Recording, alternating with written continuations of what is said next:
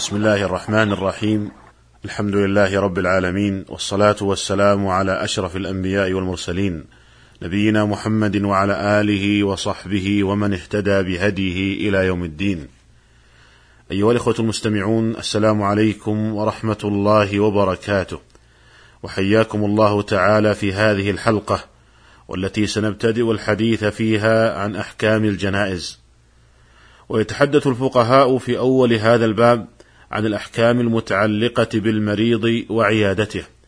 ولهذا فسنخصص هذه الحلقة للحديث عن هذا الموضوع. فأقول وبالله التوفيق إن نعمة الصحة والعافية من أعظم نعم الله تعالى على العبد بل إنها أعظم من نعمة المال مهما بلغ. ويدل لذلك أن الإنسان إذا أصابه مرض ينفق ويبذل الكثير من ماله طلبا للعافية. بل لا يسأل مهما بلغت النفقة. ولهذا قال النبي صلى الله عليه وسلم نعمتان مغبون فيهما كثير من الناس الصحة والفراغ. أخرجه البخاري في صحيحه. ولهذا كان النبي صلى الله عليه وسلم يسأل الله تعالى العافية ويستعيذ بالله من سيء الأسقام. ففي سنن أبي داود بسند صحيح عن أنس رضي الله عنه أن النبي صلى الله عليه وسلم كان يقول اللهم إني أعوذ بك من البرص والجنون والجذام وسيء الأسقام. ومن هنا يتبين خطأ بعض الناس الذين يسألون الله تعالى العذاب في الدنيا قبل الآخرة. فيقول أحدهم يا الله عذاب الدنيا ولا عذاب الآخرة. فهذا قد ورد النهي عنه. كما جاء في صحيح مسلم عن أنس رضي الله عنه أن رسول الله صلى الله عليه وسلم عاد رجلا من المسلمين قد خفت فصار مثل الفرخ. فقال له رسول الله صلى الله عليه وسلم هل كنت تدعو الله بشيء أو تسأله إياه؟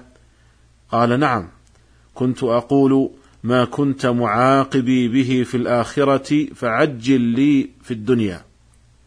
فقال رسول الله صلى الله عليه وسلم سبحان الله لا تطيقه أو لا تستطيعه. أفلا قلت اللهم آتنا في الدنيا حسنة وفي الآخرة حسنة وقنا عذاب النار.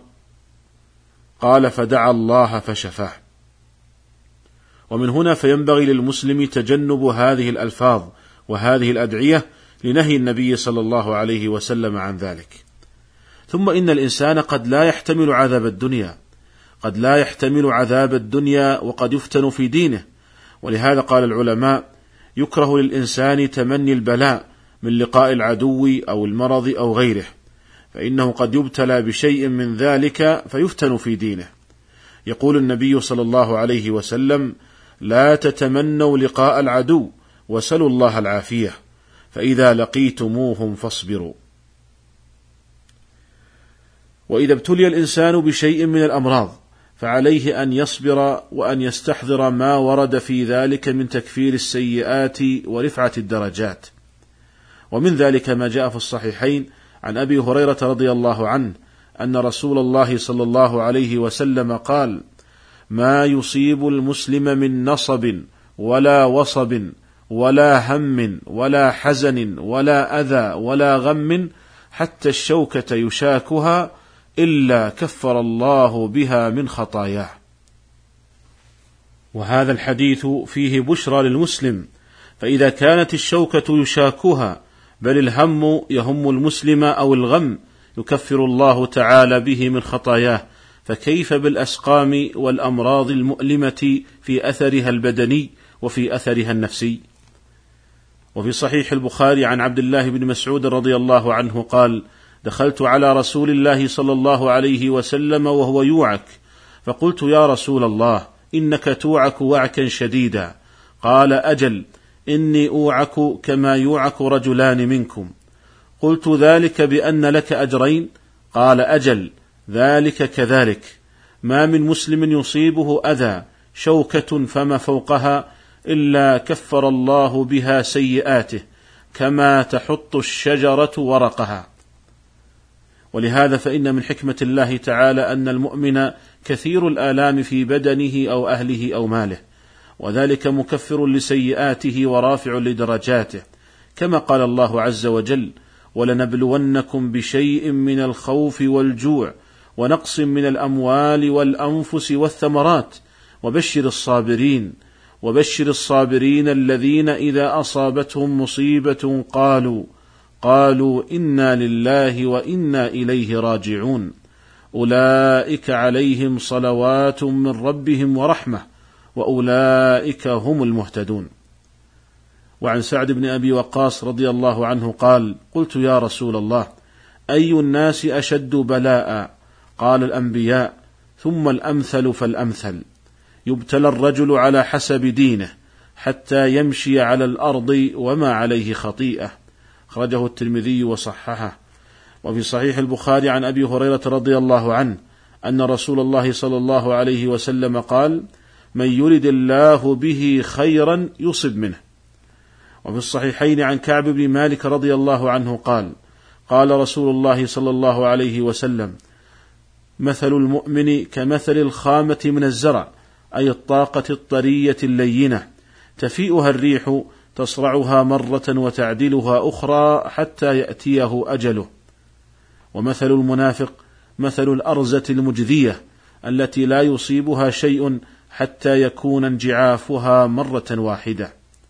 والأرزة شجر شبيه بالصنوبر. ومعنى الحديث أن المؤمن كثير الآلام في بدنه أو أهله أو ماله. وأما الكافر أو المنافق فقليلها. وإن وقع به شيء لم يكفر شيئا من سيئاته بل يأتي بها يوم القيامة كاملة. أيها الإخوة المستمعون وتشرع عيادة المريض وهي مستحبة استحبابا مؤكدا وهي من حق المسلم على المسلم. وقد نقل النووي رحمه الله نقل الإجماع على عدم وجوبها. ولكن حكاية الإجماع هذه منتقضة بأن من أهل العلم من قال بوجوبها.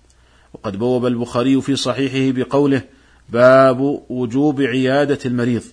ثم ساق بسنده عن أبي موسى الأشعري رضي الله عنه قال قال رسول الله صلى الله عليه وسلم اطعموا الجائع وعودوا المريض وفكوا العاني. ثم ساق بسنده عن البراء بن عازب رضي الله عنه قال أمرنا رسول الله صلى الله عليه وسلم بسبع وذكر منها وأمرنا أن نتبع الجنائز ونعود المريض ونفشي السلام. وقال بعض أهل العلم عيادة المريض في الأصل مستحبة ولكنها قد تجب على الإنسان إذا كان المريض له حق متأكد كوالديه ومن تجب صلته من ذوي الأرحام. ولعل هذا القول هو الأقرب في هذه المسألة والله تعالى أعلم.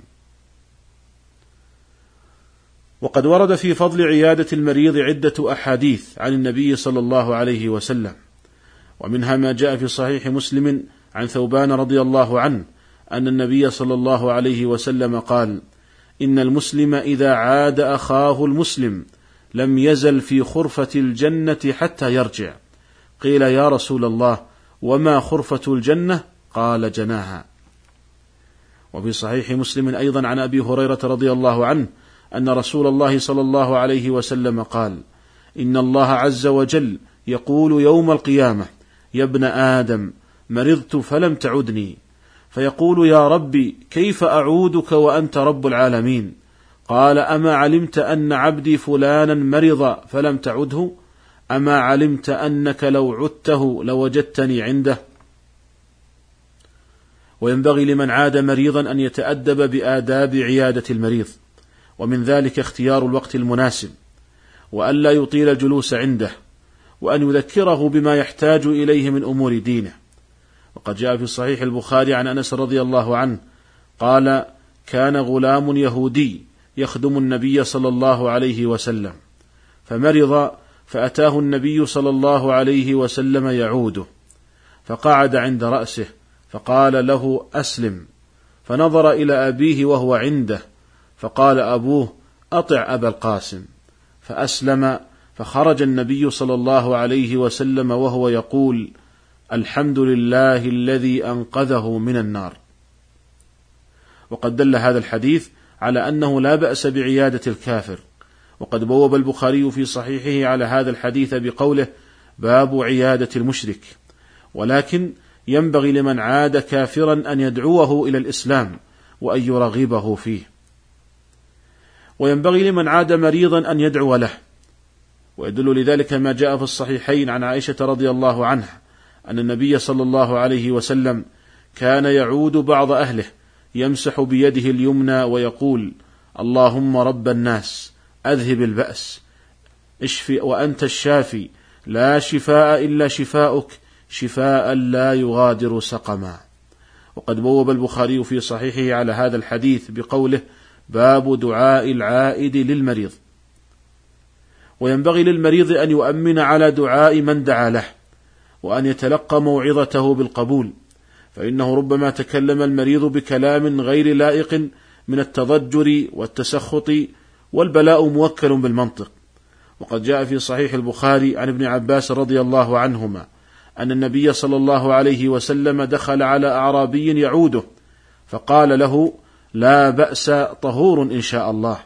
فقال الأعرابي كلا بل هي حمى تفور على شيخ كبير تزيره القبور. فقال النبي صلى الله عليه وسلم فنعم إذن. وجاء في رواية أخرى عند غير البخاري أن الأعرابي أصبح ميتا. أسأل الله تعالى أن يوفقنا لحسن القول والعمل وأن ييسرنا لليسرى وأن يجنبنا العسرى وإلى الملتقى في الحلقة القادمة إن شاء الله. والسلام عليكم ورحمة الله وبركاته.